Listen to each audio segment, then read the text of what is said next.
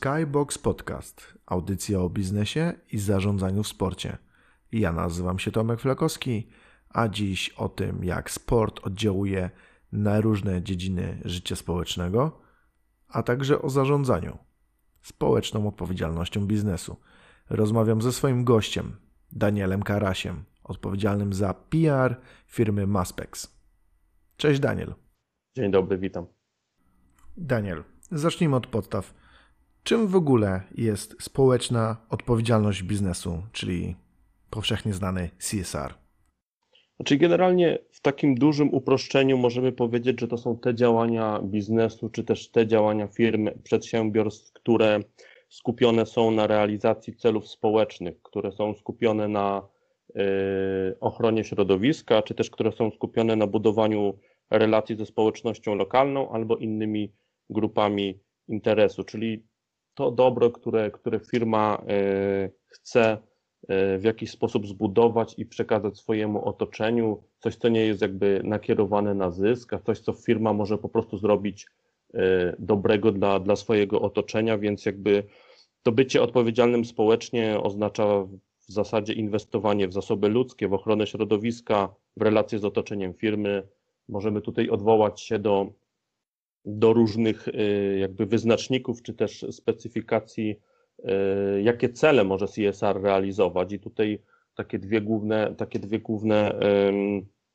wskazówki, czy też bardziej zbiory tych celów, no to w zasadzie jest norma ISO 26000, która wyróżnia siedem takich celów, które CSR może realizować i, i do tych celów należą ład organizacyjny, prawa człowieka, stosunki pracy, środowisko, sprawiedliwe, praktyki rynkowe, relacje z konsumentami, czy też zaangażowanie społeczne. Natomiast mamy też taką matrycę celów zrównoważonego rozwoju, która jest opublikowana przez ONZ i tych celów tutaj już jest dużo więcej, bo jest ich 17, no ale one też pokrywają się z ochroną środowiska, dbałością o jakość edukacji, o jakość życia, z odżywianiem, więc jakby z całym otoczeniem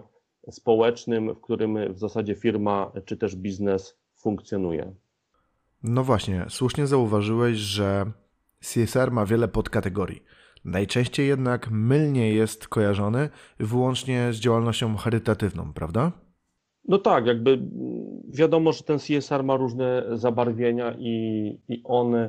z reguły y, w tej takiej formie, y, powiedziałbym, książkowej, akademickiej, powinien być na, na, nastawiony po prostu na re, realizację zrównoważonego rozwoju. Natomiast jakby tak potocznie rzecz mówiąc, no wiele właśnie takich działalności jest, jest podciągana pod, pod CSR, ale, ale o tym klasycznym CSR-ze raczej mówimy wtedy, kiedy firmy realizują te działania, które w jakiś sposób wpisują się albo w te 17 celów ONZ-u, albo też w tą normę ISO. No jak sobie nawet spojrzymy na raporty publikowane przez Forum Odpowiedzialnego Biznesu w Polsce i, i na te praktyki, które firmy prezentują, którymi firmy, firmy się chwalą, no to tam widzimy, że tam dominuje, dominują cele związane z ochroną środowiska, poprawą jakości życia, z edukacją, z budowaniem odpowiednich nawyków,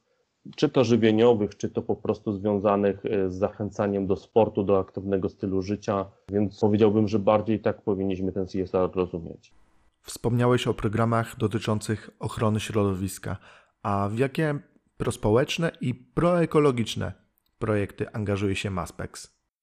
Ja może na początku powiem e, dwa słowa w ogóle o samym Maspexie, żeby, żeby troszkę przedstawić firmę słuchaczom, którzy może znają nasze marki, e, bo mamy ich ponad 60 w Polsce i za granicą i pewnie wszyscy znają takie marki jak Tymbark, jak Kubuś, jak Lubella, jak Plusz, jak Łowicz, Tiger, Decomoreno, mm, mnóstwo e, bardzo znanych e, marek, które są liderami w swoich kategoriach produktowych, ale nie każdy konsument e, ma świadomość, jakby, że te marki należą do, do polskiej firmy Maspex, która ma siedzibę w Wadowicach, która jest największą firmą spożywczą w Polsce i jedną z największych firm spożywczych w Europie Środkowo-Wschodniej,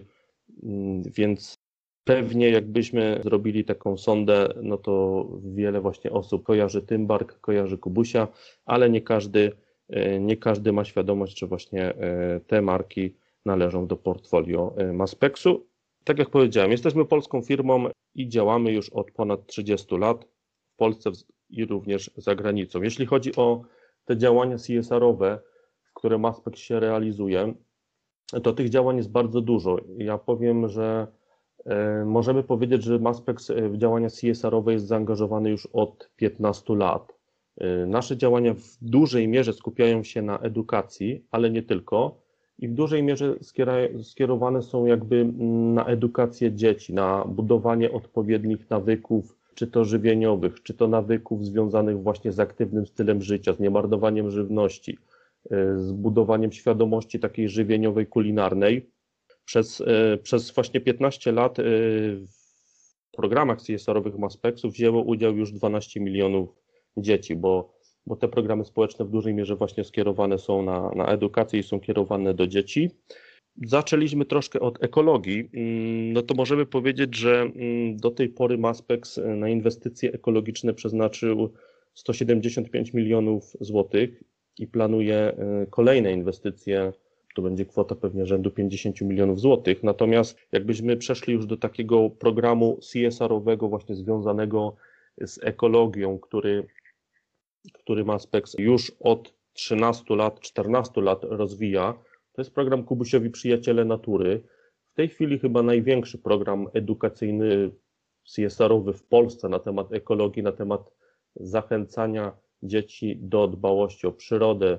To program, który przekazuje te podstawowe zasady dbałości o naturę, które związane są z odpowiednią segregacją śmieci, z oszczędzaniem wody, z dbałością o jakość powietrza, z oszczędzaniem energii, też z takim stylem życia zgodnym z naturą, czyli opartym na, e, na, na aktywnym spędzaniu czasu, na, na spożywaniu owoców i warzyw. I w Kubusiowych Przyjaciołach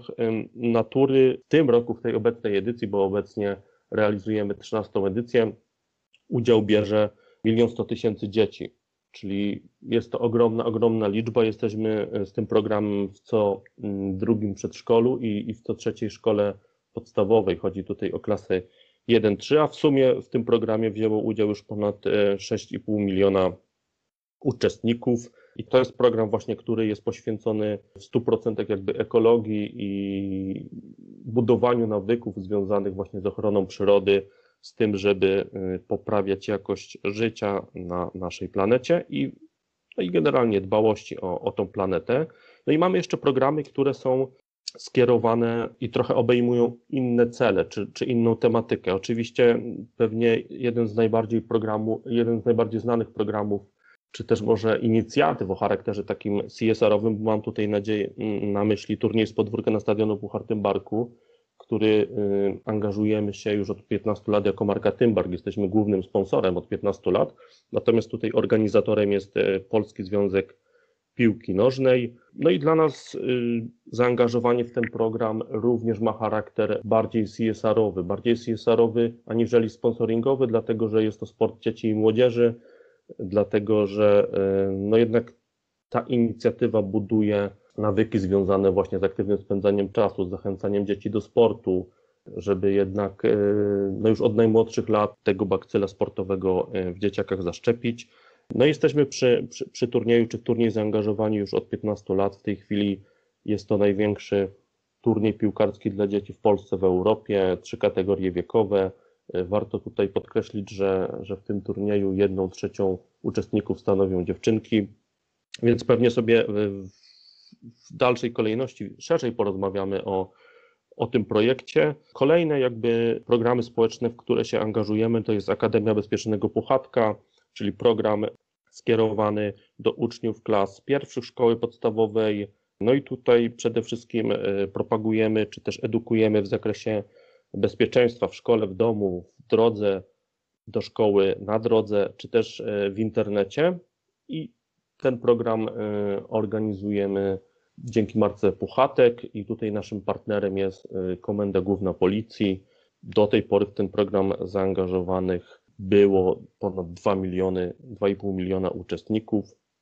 No i ma, mamy także program edukujący, czy też budujący właściwe nawyki związane z, z odżywianiem, z gotowaniem, z niemarnowaniem żywności. Ten program nazywa się Akademia Lubella. Mm, również jest adresowany do szkół podstawowych, tylko już do tych starszych klas, więc, więc to są takie mm, cztery podstawowe programy społeczne, które rozwija, rozwijamy już od wielu lat. Jakby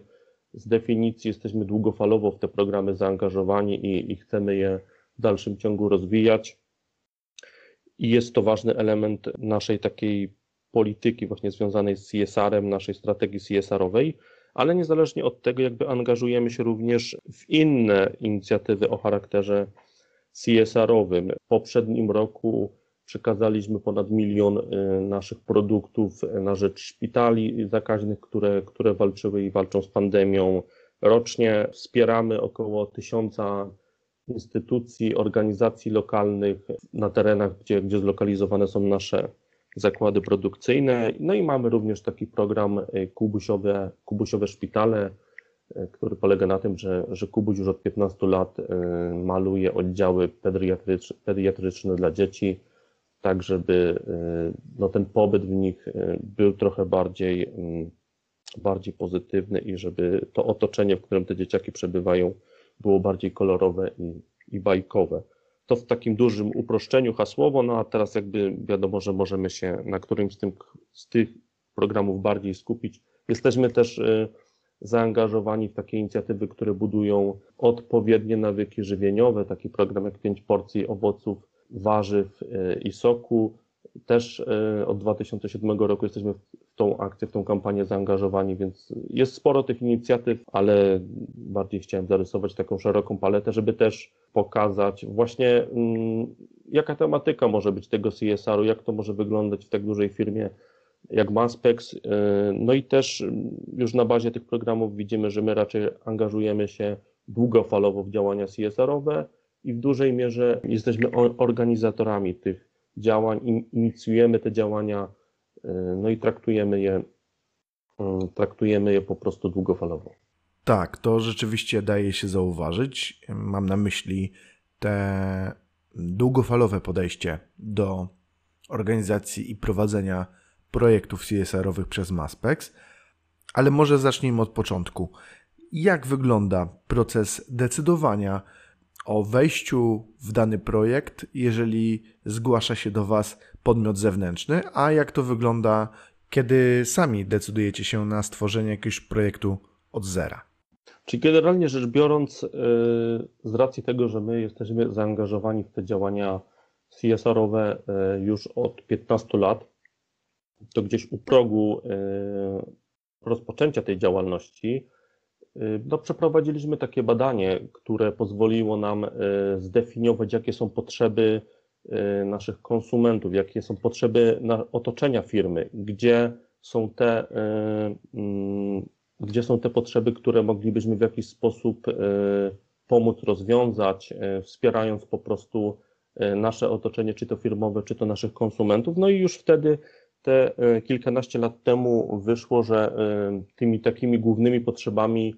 jest e, zachęcenie czy zachęcanie dzieci do, do uprawiania sportu, żeby troszkę odciągnąć ich od komputerów, trochę zachęcić do wyjścia z domu, do, do bardziej aktywnego spędzania czasu. No i dlatego zdecydowaliśmy się na, na zaangażowanie w turniej z podwórka na stadion o Puchartym Barku, w rozwój tej inicjatywy, no bo tak jak mówię, tutaj e, organizatorem jest Polski Związek Piłki Nożnej, natomiast my e, w ramach tego programu jesteśmy e, zaangażowani już 15 lat jako marka Tymbark i dlatego, i dlatego w ten program się zdecydowaliśmy zaangażować, no bo chcieliśmy zachęcać dzieci do uprawiania sportu, do, do aktywnego spędzania czasu. Również w tych badaniach, które, które kiedyś, y, te kilkanaście lat temu przeprowadziliśmy, no wyszło, że jednak bardzo mało spożywamy warzyw i owoców, że jednak ta dieta jest w te e, składniki uboga. No i dlatego też wtedy, te 15 lat temu, zdecydowaliśmy się właśnie na, na udział w tej kampanii 5 porcji warzyw, owoców lub, lub soku. Więc może być to właśnie wyjście od tego, żeby, mm, żeby poprzez badanie zdefiniować potrzeby odbiorców firmy, czy też potrzeby otoczenia, potrzeby konsumentów, no bo nasi konsumenci to już w tej chwili możemy powiedzieć, że to, że to są produkty, które, które spożywa cała rodzina. Natomiast jakby wiadomo, że wiele decyzji zakupowych podejmują kobiety, podejmują matki, dlatego, dlatego też no, dużo tych naszych programów społecznych kierowana jest właśnie do dzieci i jest nakierowana na edukację e, dzieci. Ale też, e, no, jeśli mm, mamy decyzję, czy, czy zaangażować się w dany projekt, czy też nie, no to zwracamy też uwagę na, na to, na ile jest to spójne gdzieś z tym, co sobie określiliśmy w misji i wizji. Na ile jest to e, spójne z naszą polityką sponsoringową, czy też CSR-ową, którą mamy, a która jednak w 100% w przypadku takich działań, e, na przykład związanych ze sportem, bo dużo mamy zapytań o, o współpracę sponsoringową w sporcie. E, no i często po prostu musimy odmówić, bo jeśli chodzi o sport zawodowy, taki seniorski, to jednak nie wchodzimy w tą współpracę, dlatego że koncentrujemy się właśnie na, na wspieraniu rozwoju sportu dzieci i młodzieży, na zachęceniu do aktywnego spędzania czasu. Więc odwołujemy się jakby też do tego właśnie, jaka jest nasza polityka sponsoringowa, czy też CSR-owa, jakie mamy cele. No ważne jest też mm, jakby ocena tego, czy projekt jest długofalowy, czy projekt jest e, zasięgowy, jakie są oczekiwania, jeśli chodzi o, o budżet, jakie są oczekiwania, jeśli chodzi o zaangażowanie się firmy, czy to są na przykład działania e, związane e, no, ze społecznością lokalną, czyli z powiatami, z miastami, w których są nasze zakłady produkcyjne. Jakby wiele tych czynników ma wpływ na to, jak właśnie podchodzimy do, do takich inicjatyw, ale z racji tego, że działamy w tym obszarze już od 15 lat, no to bardzo dużo inicjatyw po prostu sami inicjujemy. No właśnie. Mówisz o niesamowitym zaangażowaniu firmy. Jeżeli chcielibyście angażować się w absolutnie wszystkie projekty, to z pewnością potrzebowalibyście armii ludzi. Jak to wygląda w rzeczywistości? Rzeczywiście dysponujecie taką armią e, pracowników, którzy, którzy pracują właśnie przy tych projektach CSR-owych, czy może outsourcujecie e, te, te rzeczy innym firmom? Czy generalnie rzecz biorąc, to jeśli chodzi o te działania CSR-owe, no to one są gdzieś zlokalizowane e, w naszej firmie w obrębie działu PR Natomiast poza tym, że uczestniczymy, czy często organizujemy, inicjujemy te, te aktywności, to też w wielu przypadkach no, mamy partnerów w tym wszystkim. To znaczy, jeśli chodzi o program Akademia Bezpiecznego Puchatka, no to tutaj mamy partnera, którym jest Komenda Główna Policji, mamy patronat w postaci kuratoriów e, oświaty. W przypadku turnieju z podwórka na stadionu Pucharte Barku, no to tutaj organizatorem jest Polski Związek Piłki Nożnej, natomiast, y, natomiast my jesteśmy głównym sponsorem. To zależy y, o jakim aspekcie takiego projektu mówimy. Natomiast y, jeśli chodzi o taką samą egzekucję i działania operacyjne, to w tych projektach, które my organizujemy, to generalnie sami tym zarządzamy, jakby sami cały ten proces kontrolujemy od powiedzmy zapisów w danej edycji aż do zakończenia danej edycji programu. Oczywiście współpracujemy przy tym z firmami czy z podwykonawcami, które w pewnych aspektach nam pomagają, czy to komunikacyjnych, czy to związanych e, z promocją, czy też związanych e, z przygotowaniem materiałów, no bo jakby każdy z tych programów ma trochę inną specyfikę. Są programy, w których e, musimy przygotować przykładowo materiały drukowane dla dzieciaków. Mówię tutaj o programie na przykład Kubusiowi Przyjaciele Natury, w którym jeszcze do momentu e, wybuchu pandemii przygotowywaliśmy materiały, które były w wersji drukowanej, więc tutaj e, musieliśmy te materiały przygotować pod kątem merytorycznym, przygotować pod kątem graficznym, e, zrobić wydruk tego, potem dystrybucję do, do przedszkoli czy też szkół, więc jakby na każdym tym etapie, jeśli jest taka potrzeba, to mamy wsparcie w postaci podwykonawców lub też agencji, z którymi współpracujemy. Natomiast jakby to my zarządzamy tym procesem od początku do końca i w zasadzie tylko jeśli chodzi o, o takie wsparcie czy też egzekucję niektórych e, procesów, które, które po prostu potrzebujemy, no to wtedy korzystamy z takiej pomocy zewnętrznej. Ale to mówię w, duży, w dużym uogólnieniu. Jeśli chcielibyśmy się skupić na którymś e, z tych programów, no to wtedy będzie łatwiej, łatwiej to e, przeanalizować. Tutaj zaznaczyłeś fajną rzecz, że od samego początku wyszliście, czy zaczęliście od badań, następnie określiliście waszą misję i wizję i to do nich dopasowujecie mm, swoje programy CSR-owe. Ciekawy jestem, jak powstawały te programy najbardziej mm, znane, czyli 5 porcji warzyw, owoców lub soku, czy z podwórka na stadion o puchartym barku. Jaka jest ich geneza? No jeśli chodzi o, o, o przypadek, e, czy też o, o turniej z podwórka na stadion o puchartym barku, bo on jest pewnie najbardziej znany z naszych takich e, działań społecznych, w które się angażujemy, no to tutaj wiedząc, że, e, że nasi konsumenci, czy też nasze otoczenie potrzebuje wsparcia właśnie w zachęcaniu dzieci do uprawiania sportu, czy też do spędzania y, więcej czasu właśnie aktywnie na sportowo, no to zdecydowaliśmy, że chcielibyśmy się zaangażować w turniej piłkarski, dlatego że piłka nożna była i jest cały czas najpopularniejszym sportem w Polsce. Jednak najwięcej dzieci ten sport uprawia w badaniach, które jakiś czas temu prze, przeprowadzał PZPN, wynika, że już co drugie dziecko w Polsce w jakiś sposób trenuje, uprawia piłkę nożną. Te kilkanaście lat temu ta piłka nożna również była najbardziej popularna i dlatego jakby zdecydowaliśmy, że właśnie poprzez piłkę nożną chcemy zachęcać dzieciaki do uprawiania sportu. Natomiast y, wiadomo, że działania na skalę ogólnopolską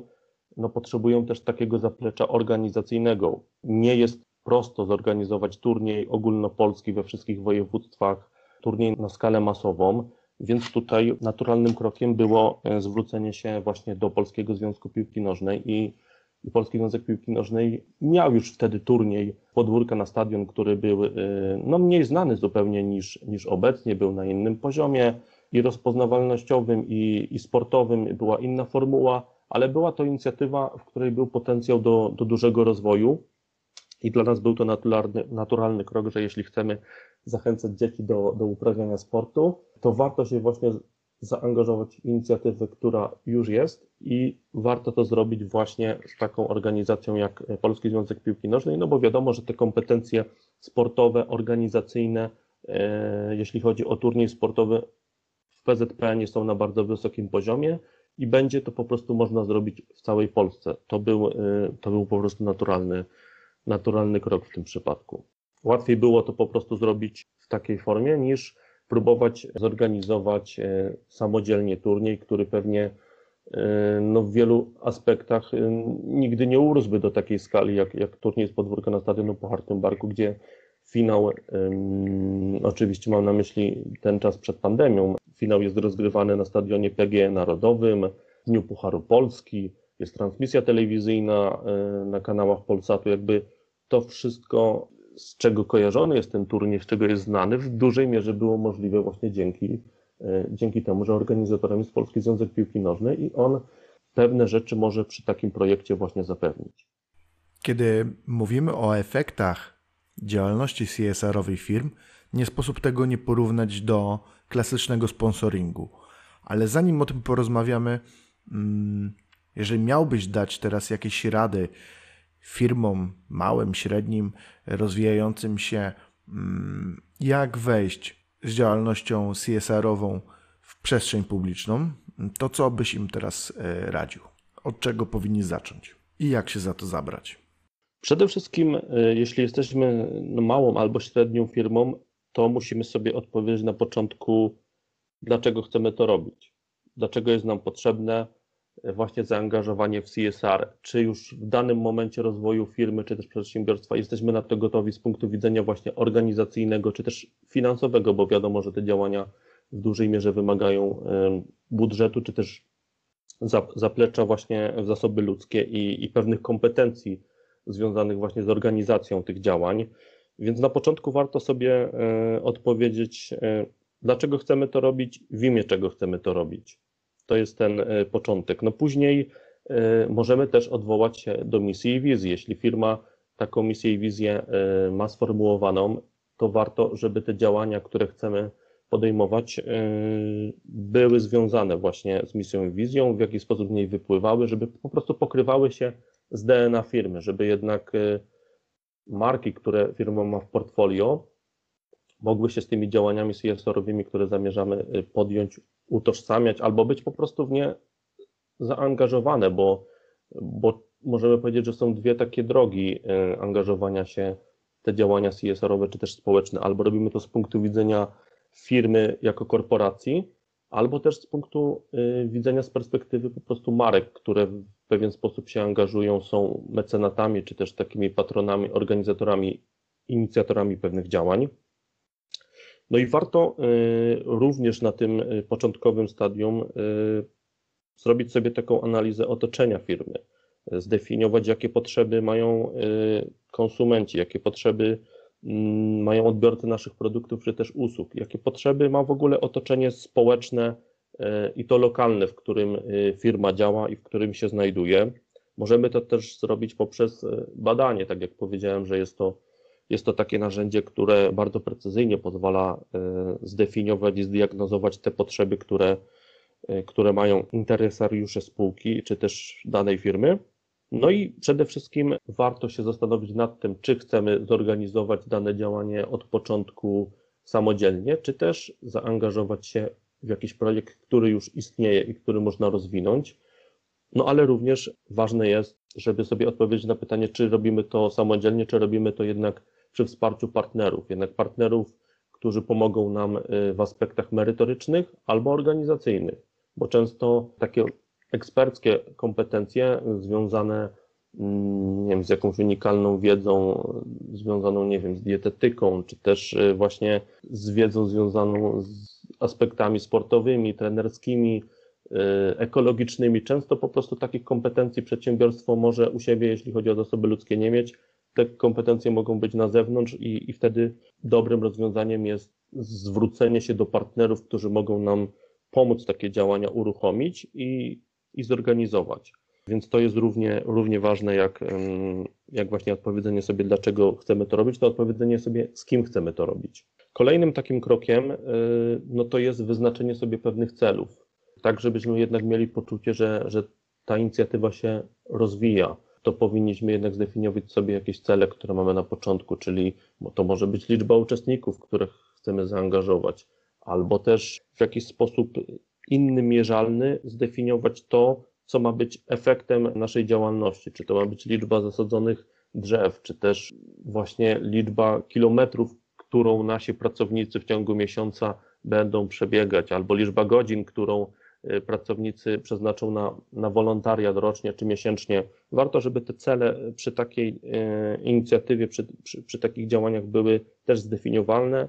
i żeby one były mierzalne, bo potem pozwolą nam krok po kroku ten program rozwijać, jeśli chcemy, żeby to działanie było oczywiście długofalowe, a, a nie tylko związane tylko z potrzebą chwili. Ważna jest również promocja i komunikacja, bo jednak te działania potrzebują wsparcia komunikacyjnego, szczególnie na początku, kiedy, kiedy dany program CSR-owy jest e, nieznany szerszej publiczności, a kiedy chcemy zaangażować do niego uczestników, zrekrutować uczestników, no to tutaj ta promocja jest bardzo ważna, y, jest niezbędna, żeby, żeby ten program w ogóle uruchomić. No i również promocja jest, jest kluczowa na samym końcu, czyli chcąc y, w jakiś sposób zaprezentować wyniki czy też efekty tej działalności, którą, którą prowadzimy, to tutaj działania komunikacyjne, PR-owe y, są, są niezwykle potrzebne. Więc jakby to są takie, myślę, podstawowe kroki, które warto sobie przeanalizować, żeby, żeby zdefiniować, co chcemy robić, jak to chcemy robić, z kim to chcemy robić, po co to chcemy robić, jak długo to chcemy robić. Takie podstawowe pytania, które, e, na które musimy sobie odpowiedzieć, e, zanim zdecydujemy się właśnie w wejście e, w tą działalność CSR-ową. Natomiast y, warto też szukając po prostu pomysłu, na to, co moglibyśmy robić, odwołać się właśnie też do, do tych 17 celów zrównoważonego rozwoju ONZ-u, bo one e, są pewną e, drogą, którą warto podążać, żeby rozwijać właśnie zrównoważony rozwój. No i też, tak jak mówię, e, te działania powinny być dopasowane do, do potrzeb otoczenia firmy, ale też do tego, czym firma się zajmuje, bo przykładowo działalność firmy może być związana właśnie z produkcją w określonej branży i przykładowo chcemy w ramach naszych działań skoncentrować się w aspektach związanych z ochroną środowiska, albo też możemy jako dostawca pewnych usług czy też pewnych produktów bardziej skupić się na edukacji, która, która też buduje nawyki i jest taką inwestycją trochę, trochę w przyszłość. Mhm. W takim razie, jakie wyzwania na co dzień dla firmy niesie zaangażowanie w tego rodzaju akcje? Przede wszystkim no, wyzwaniem jest na pewno to, żeby, żeby wyznaczyć sobie mm, cele, które chcemy zrealizować i realizować te cele na co dzień, bo uruchomienie takiego programu wiąże się z tym, że mamy na końcu jakąś taką wizję, którą chcemy zrealizować i mm, rozwój tych programów jest bardzo ważny z punktu widzenia tego, że mm, jednak często firmy angażują się w, w działalność krótkoterminową i takie, takie, takie właśnie akcje, one nie wymagają aż takiego zaangażowania jak, jak działania długo, długofalowe. Jeśli chcemy się w dany projekt czy też inicjatywy angażować długofalowo, no to wiadomo, że potrzebujemy też pewnej struktury organizacyjnej, e, zasobów ludzkich, kompetencji do tego, żeby, żeby te programy realizować. Natomiast myślę, że tutaj mm, no, takimi ważnymi wyzwaniami jest to, żeby, y, żeby docierać do, do tej grupy docelowej, którą sobie zdefiniujemy. Musimy mieć też świadomość, że jakby takich inicjatyw, programów społecznych,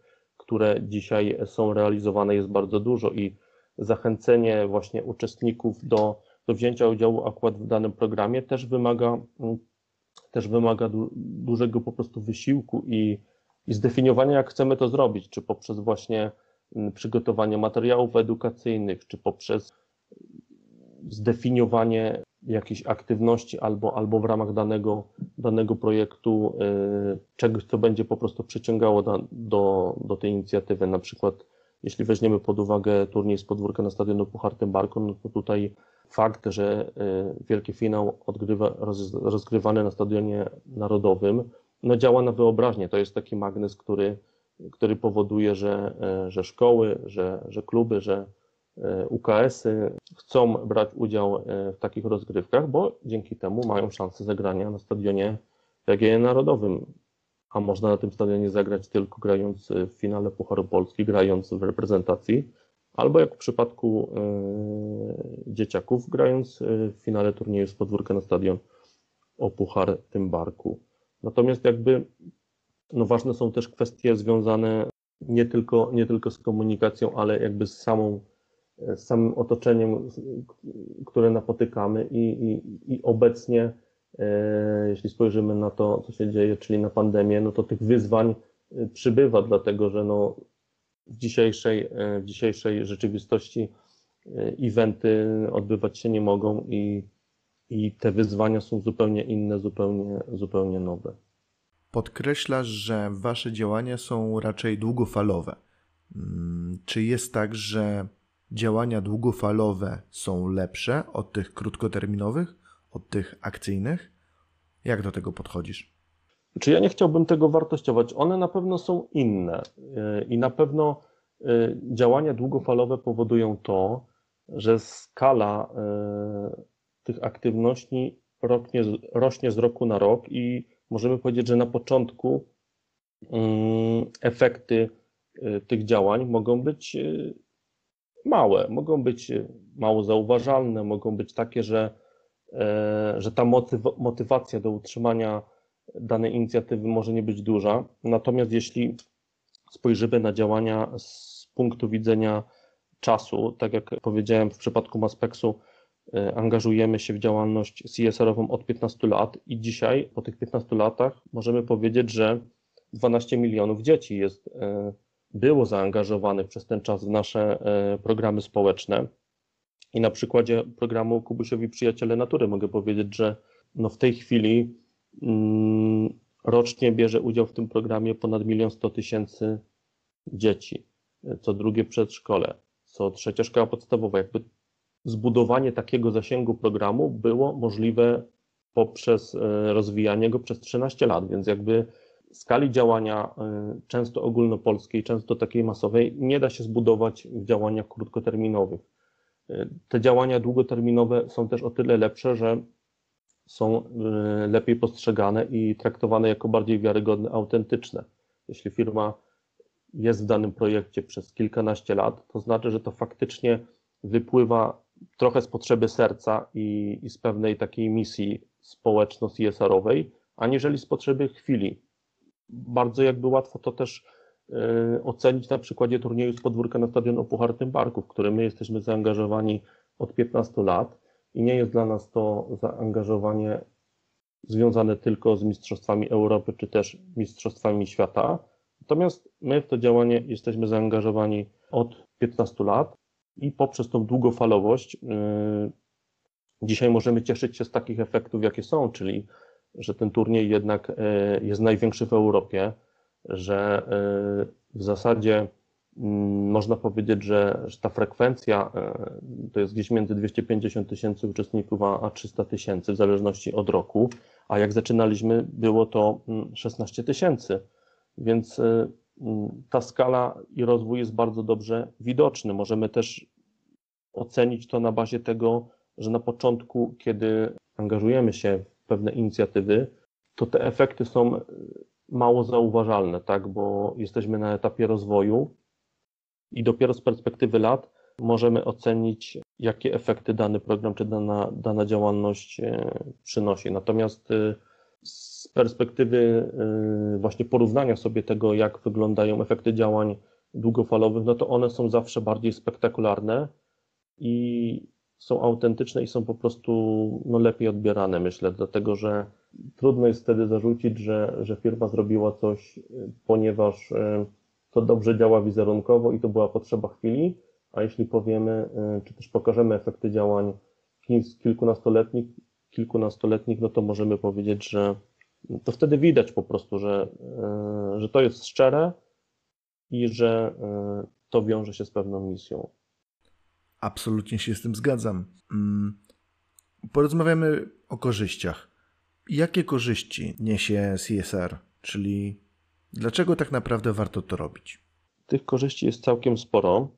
e, natomiast one nie wszystkie są zauważalne w krótkim okresie, bo y, no zdecydowanie możemy powiedzieć, że takie działania CSR-owe, poza tym, że dają dużo dobrego efektu, y, benefitów dla y, grupy społecznej, do której są adresowane, no to też dają dużo korzyści firmie czy też marce, która jest zaangażowana w te działania CSR-owe. No przede wszystkim możemy powiedzieć, że no jest to budowanie reputacji firmy czy też marki budowanie zaufania do firmy, do marki. W dużej mierze mm, dzisiaj, kiedy ten zrównoważony rozwój jest czymś naturalnym i, i czymś, co jest e, w działalność firmy wpisane w, sposób naturalny, po prostu jest oczekiwanie ze strony partnerów biznesowych, szczególnie międzynarodowych, nawet na poziomie różnego rodzaju przetargów, że, że firmy się w takie działania realizują. Jeśli możemy pokazać e, efekty działań CSR-owych, efekty działań na rzecz zrównoważonego rozwoju, to automatycznie jesteśmy postrzegani jako bardziej wiarygodny partner biznesowy, jako firma, która patrzy długofalowo, jako firma, która dba też o ten aspekt społeczny swojej działalności. E, również e, konsumenci zwracają uwagę na, na to, czy marka, czy firma angażuje się społecznie, podejmując decyzje zakupowe. Kolejne pokolenia, które które podejmują te decyzje, one już oczekują, że, że, że firmy i marki angażują się społecznie. Kiedyś to było wyróżnikiem, a dzisiaj jest to normą i, i dzisiaj już w badaniach to często jest zauważalne, że właśnie zaangażowanie się społeczne czy też CSR-owe firmy lub marki ma wpływ na podejmowanie decyzji zakupowych. Mm. Kolejnym takim ta, taką, takim obszarem, gdzie, gdzie, ten, gdzie te profity są widoczne, to jest employer branding. Dziś no, kandydaci do pracy też zwracają uwagę na to, czy firma, w której e, mogą pracować, e, jest aktywna społecznie, czy angażuje się tylko i wyłącznie na rozwoju biznesu, czy też działa na rzecz lokalnych społeczności, na rzecz ochrony klimatu, na rzecz poprawy klimatu, E, czy właśnie na rzecz edukacji, jakby no jednak ten w dobie, w dobie komunikacji, w dobie social mediów, gdzie dzisiaj i firmy, i marki, i jakby mówią do nas poprzez swoje media społecznościowe, no to zwracamy uwagę, co mówią, o czym mówią. I, i to jest bardzo istotne właśnie również dla osób, które wchodzą na rynek pracy i, i oceniają też często atrakcyjność pracodawcy nie tylko poprzez ten core biznesowy, ale również poprzez właśnie taką działalność społeczną, CSR-ową. Jeśli chodzi o takie korzyści z działań y, zrównoważonego rozwoju, czy też działań CSR-owych, no to na pewno jest to budowanie relacji ze społecznością lokalną. Jednak każda firma, czy też każda marka jest e, w pewnym otoczeniu, mm, jest e, często członkiem e, pewnej społeczności lokalnej i budowanie tych relacji, budowanie takiej tożsamości właśnie w danym otoczeniu, w tym także pomagają działania CSR-owe i, i związane z, ze zrównoważonym rozwojem. Mm, no i też wiadomo, że wraz, wraz z rozwojem i większą świadomością po prostu działań zrównoważonego rozwoju, wiele regulacji prawnych po prostu wymaga takich działań i wymaga działań na rzecz zrównoważonego rozwoju, więc powiedziałbym, że to jest taka paleta korzyści, które daje angażowanie się w CSR. Czy dla sportowców, dla klubów działalność w zakresie CSR-u, czyli społecznej odpowiedzialności biznesu, może być alternatywą dla sponsoringu? Ja myślę, że tak, dlatego że jest wiele firm, które nie decyduje się na wejście w klasyczny sponsoring sportowy. Mam tutaj na myśli sponsoring czy to klubu piłkarskiego, czy to danego sportowca. Chodzi mi o, y, o sport zawodowy, sport, który ma w dużej mierze charakter również komercyjny i wiele firm y, nie zdecyduje się na wejście w tego typu działania, bo nie jest to po prostu spójne z profilem działalności danej firmy. Natomiast takie firmy mogą zaangażować się w sport, właśnie sport dzieci i młodzieży, albo sport lokalny, bardziej regionalny z punktu widzenia, czy też z pobudek właśnie CSR-owych, czy też związanych ze zrównoważonym rozwojem, bo jednak wspieranie lokalnej drużyny, czy też y, zachęcanie dzieci do uprawiania sportu ma ten wymiar CSR-owy, a angaż w postaci wspierania e, zespołu, który już jest na topie, który w zasadzie walczy o najwyższe cele, on ma głównie ten aspekt marketingowy, aspekt sponsoringowy, więc wydaje mi się, że nawet jeśli ocenimy korzyści e, z angażowania się w taki CSR e, na poziomie sportowym, to jest ich bardzo dużo, dlatego że jak sobie porównamy zaangażowanie się w sponsoring danego klubu sportowego versus wspieranie rozwoju sportu dzieci i młodzieży, no to jednak takie to pierwsze działanie, e, czyli mam na myśli e, wspieranie sportu dzieci i młodzieży, niesie tylko ze sobą 100% pozytywnych emocji. Jakby jesteśmy niezależni od wyniku sportowego, e, czyli jeśli drużyna przegrywa, to nie ma tego, tej domieszki właśnie negatywnych emocji. Jesteśmy niezależni od, od tego, co się dzieje wokół klubu czy wokół danego zawodnika, Y, jest mniej sytuacji potencjalnie kryzysowych i jest mniej sytuacji potencjalnie kontrowersyjnych. Jednak te działania związane z takim CSR-em, bardziej tutaj odwołuje się właśnie do, y, do wspierania sportu dzieci i młodzieży, jednak kojarzą się w 100% z pozytywnymi emocjami. I myślę, że, że jest to dobre rozwiązanie również z tego punktu widzenia, że Mm, niesie dużo korzyści właśnie sportowcom, którzy angażując się w tego typu projekty, które mają charakter CSR-owy społeczny, no mogą fajnie budować swój wizerunek. I też to nie jest tak, że współpraca e, z piłkarzem może nieść korzyści tylko i wyłącznie dla marki, ale również dla sportowca, bo mm, po pierwsze e, takie działanie Mm, gdzie odbiorcami są właśnie dzieciaki, ma, ma dużo tych walorów edukacyjnych, jest bardzo dobrze postrzegane. Po drugie, jednak e, te działania komunikacyjne, które wokół danej inicjatywy są przygotowywane, no to też promują tego piłkarza, promują jego, jego osobę, jego wizerunek i też promują no, w grupach odbiorców, które niekoniecznie mogą oglądać piłkę nożną, oglądać mecze. W naszym przypadku współpracowaliśmy przy okazji turnieju z podwórka na Stadionu Puchartym Barku z Arkadiuszem Milikiem, mm, który y, oczywiście był już wtedy bardzo znanym piłkarzem, grał w reprezentacji, grał w klubach zagranicznych i jego rozpoznawalność była bardzo wysoka, ale poprzez zaangażowanie y, właśnie w taki turniej on mógł zwiększyć swoją rozpoznawalność właśnie w tych grupach docelowych, które może niekoniecznie oglądają mecze, ale jeżeli jeżeli, jeżeli turniej miał też e, swoją reklamę w telewizji, czy też e, wizerunek e, piłkarza był na opakowaniach produktów, no to wiadomo, że to jest też dodatkowy kanał komunikacji, gdzie, gdzie docieramy właśnie mm, i, i gdzie budujemy jeszcze większą rozpoznawalność sportowca, więc, więc tego typu korzyści też możemy zaobserwować. No i zdecydowanie jest większe pole do, do współpracy w programach, y, które mają charakter CSR-owy, społeczny, aniżeli tylko y, sponsoringowy. Ja myślę też, że dla sportowców właśnie y, działania o charakterze społecznym są bardziej naturalne do współpracy, no bo one zwykle mają 100% pozytywnych emocji, pozytywnego wizerunku, często walor edukacyjny, Y, również często po prostu łatwiej jest sportowca zaangażować do współpracy CSR-owej, gdzie y, jest obecna marka, niż do współpracy stricte marketingowej, bo, bo gdzieś te wartości i te potrzeby mogą się y, nie pokrywać współpracy tylko i wyłącznie marketingowej. No tak, tutaj krótka dygresja.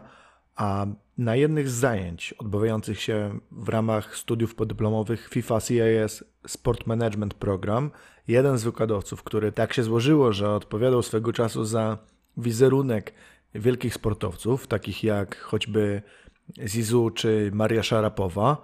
wskazywał na to, że długofalowa działalność CSR-owa tych sportowców wpłynęła pozytywnie na kwestię łagodniejszego, można by rzec, wychodzenia z kryzysowych sytuacji, z ciężkich sytuacji. Odwracając tę sytuację, jeżeli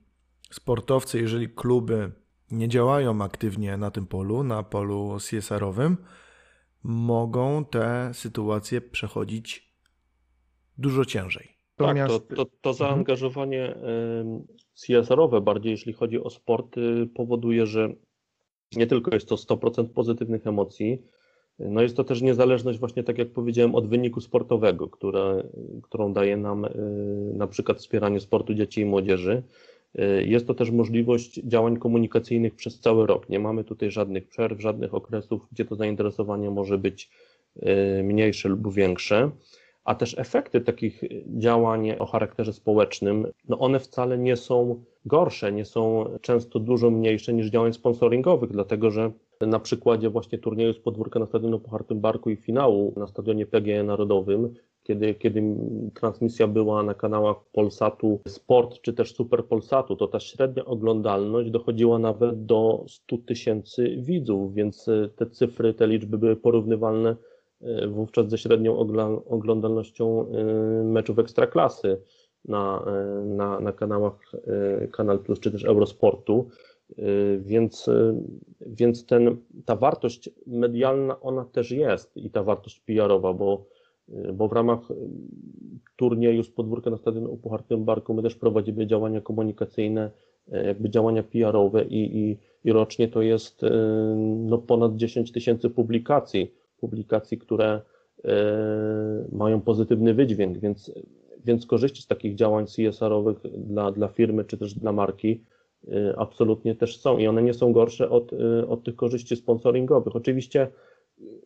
szybciej zobaczymy efekty działań sponsoringowych, bo dużo łatwiej i dużo szybciej zobaczymy efekty wspierania klubu, który walczy o Mistrzostwo Polski, czy też y, zawodnika, który gra w reprezentacji kraju albo który bierze udział w turniejach mistrzowskich, czy też jest, jest, jest zawodnikiem e, europejskiego klubu, wtedy dużo szybciej e, widzimy te wyniki, ale też e, niekoniecznie jest tak, że, że działania CSR-owe nie dają nam tego pola i tego impaktu też medialnego. Myślę, że to przekonało wiele osób zarządzających klubami, czy też własnymi karierami do tego, żeby tym CSR-em się zainteresować. A to stawiając się teraz po ich stronie, właśnie po stronie sportowców, po stronie klubów, mm, to na przykładzie Maspexu, czego firmy takie jak Maspex oczekują od organizacji, które się do nich zgłaszają z pomysłem na projekt CSR-owy? Yy, czyli na początku powiem, że tych propozycji, yy, im większa firma, czy im bardziej znana marka, to takich propozycji związanych ze współpracą, czy to sponsoringową, yy, czy też w innym charakterze, jest bardzo dużo. Nawet jeśli chodzi, jeśli spojrzymy tylko i wyłącznie e, na sport, to takich zapytań jest e, po kilka nawet w tygodniu i, i ten e, przekrój, jakby powiedział, profesjon, profesjonalizacji jest też duży, bo, bo to nie tylko ekstraklasa, ale też pierwsza liga i, i w zasadzie z każdego poziomu rozgrywek takich zapytań jest bardzo dużo. Ale na co zwrócić uwagę, jeśli chcemy przygotować ofertę współpracy dla, dla dużej firmy czy też marki? Przede wszystkim no, musimy znać profil działalności tej firmy. E, musimy wiedzieć, kto jest grupą odbiorców, kto jest grupą odbiorców, jeśli chodzi o produkty albo o usługi, które firma oferuje. Jak firma czy też marki komunikuje się w social mediach, jakich, jakich kanałów komunikacji poszukuje, w jakich kanałach komunikacji marka jest obecna. Mm, ta znajomość profilu firmy pozwoli nam dopasować ofertę i w ogóle tematykę oferty, bo jeśli widzimy, że firma angażuje się w sport albo w kulturę, to naturalnie, naturalnie będzie, że, że nasza propozycja, jeśli jest zogniskowana w którymś z tych dwóch tematów, ma większe szanse na, na, pozytywne, na pozytywny oddźwięk. Warto też no, spróbować rozeznać się, jeśli chodzi o znajomość polityki sponsoringowej firmy, zobaczyć, czy ona wchodzi właśnie bardziej w sport, czy w kulturę, czy może w ekologię, czy bardziej w sport zawodowy, czy bardziej w sport amatorski. Trzeba też e, no, przeanalizować swoją ofertę z punktu widzenia e, lokalizacji, bo dużo łatwiej jest firmom wejść we współpracę polegającą na wsparciu lokalnej drużyny w miejscowości, gdzie firma ma siedzibę, a dużo trudniej, jeśli jest to działanie polegające na tym, że, że to wsparcie miałoby dotyczyć przykładowo klubu, który no, nie ma nic wspólnego z miastem, gdzie firma ma swoją siedzibę, z jej obszarem działania. Dużo trudniej wtedy, wtedy w takie działania się zaangażować. Ważne jest również, by, by ta oferta była dopasowana do potrzeb firmy lub marki. Najlepiej, y, kiedy już w takiej ofercie widać, że tam jest jakiś pomysł, jak wykorzystać markę, albo jak wykorzystać produkt, albo e, już są wskazane pewne formy komunikacji i obecności w mediach, y, które firma czy też marka na co dzień realizują, bo często zdarza się tak, że taka oferta współpracy sponsoringowej jest bardzo ogólna i bardzo taka nie ma w tym nic, co wskazywałoby na dopasowanie do tej danej firmy. Równie dobrze moglibyśmy tą ofertę wysłać do, do każdej innej dużej firmy i ona by tak samo wyglądała. To nie jest dobre rozwiązanie, bo już na etapie przygotowania takiej oferty możemy sobie odpowiedzieć na pytanie, czy firma może być takim działaniem zainteresowana, czy też nie, robiąc właśnie taki research, czy przygotowując pewien, pewien pakiet współpracy. Warto również bardzo wyraźnie zaznaczyć, y, jakie są oczekiwania od firmy i jakie są świadczenia dla firmy. Czy ta współpraca ma mieć charakter finansowy, czy ta współpraca ma mieć charakter barterowy, czy też może mieszany. Również, co jest niezwykle ważne, powinniśmy w takiej ofercie współpracy no mocno uargumentować korzyści, jakie mogą dla marki czy też dla firmy płynąć z jakby wejścia w taką współpracę. I tutaj wszystkie e, argumenty liczbowe są jak najbardziej mile widziane, czyli zasięgi, które można wygenerować przy tej współpracy, oglądalność, liczba uczestników, e, wszystko to, co pokazuje skalę działania, jest mierzalne,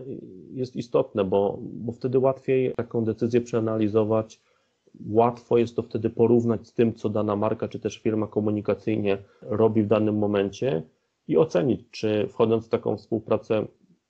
zyskujemy więcej, czy też jesteśmy na tym samym poziomie, czy też jest to zupełnie nie, niedopasowane do, na, do naszych potrzeb. Więc wszystkie liczby i cyfry, które możemy podać w takiej ofercie, które obrazują właśnie skalę, zasięgi, oglądalności, mm, liczbę uczestników, to jest bardzo mile widziane. Na pewno też ważne są y, te aspekty związane z brandingiem, czyli pokazanie, y, jak logo marki będzie widoczne, jak logo firmy będzie widoczne, jak długo, jaka to będzie forma ekspozycji, czy to będzie przód koszulki, czy to będzie tył koszulki, czy to będzie e, rękaw, czy firma jest widoczna również w przestrzeni takiej outdoorowej. Jakby pokazanie tego nawet na przykładach, również jakby zderzenie tego e, właśnie na przykład z oglądalnością, zasięgami, mocno konkretyzuje taką ofertę, bo wtedy, no nie ukrywajmy, że przygotowując ofertę współpracy musimy e, trochę mówić i pisać językiem korzyści i trochę postawić się, postawić, wejść trochę jakby perspektywę widzenia firmy, którą chcemy przekonać do współpracy, czyli pokazać te korzyści, które dla tej firmy będą płynąć. No i tak jak mówię, podstawowa rzecz to jest przeanalizowanie, czy tego typu działanie, które chcemy zaproponować danej firmie czy marce, w ogóle jest spójne z tym, co ona do tej pory robiła, czy też robi. No bo jednak marki i firmy planują swoje działania komunikacyjne z pewnym wyprzedzeniem y, i często nie mają możliwości takiego zaangażowania się w fajną inicjatywę ad hoc po prostu. Dostajemy ofertę w danym momencie i często wygląda to tak, że nasze plany komunikacyjne, czy też marketingowe, czy też PR-owe już zaplanowały działalność tego typu do końca roku i, i trudno jest po prostu to zmienić, więc, więc też trzeba mieć świadomość, że nie w każdym momencie, jeśli ta oferta trafia do, do firmy y, jest możliwe podjęcie takiej współpracy, ale na pewno jeśli to dopasowanie jest bardzo duże na poziomie pomysłu, na poziomie y, dopasowania do grupy odbiorców, to wtedy łatwiej jest y,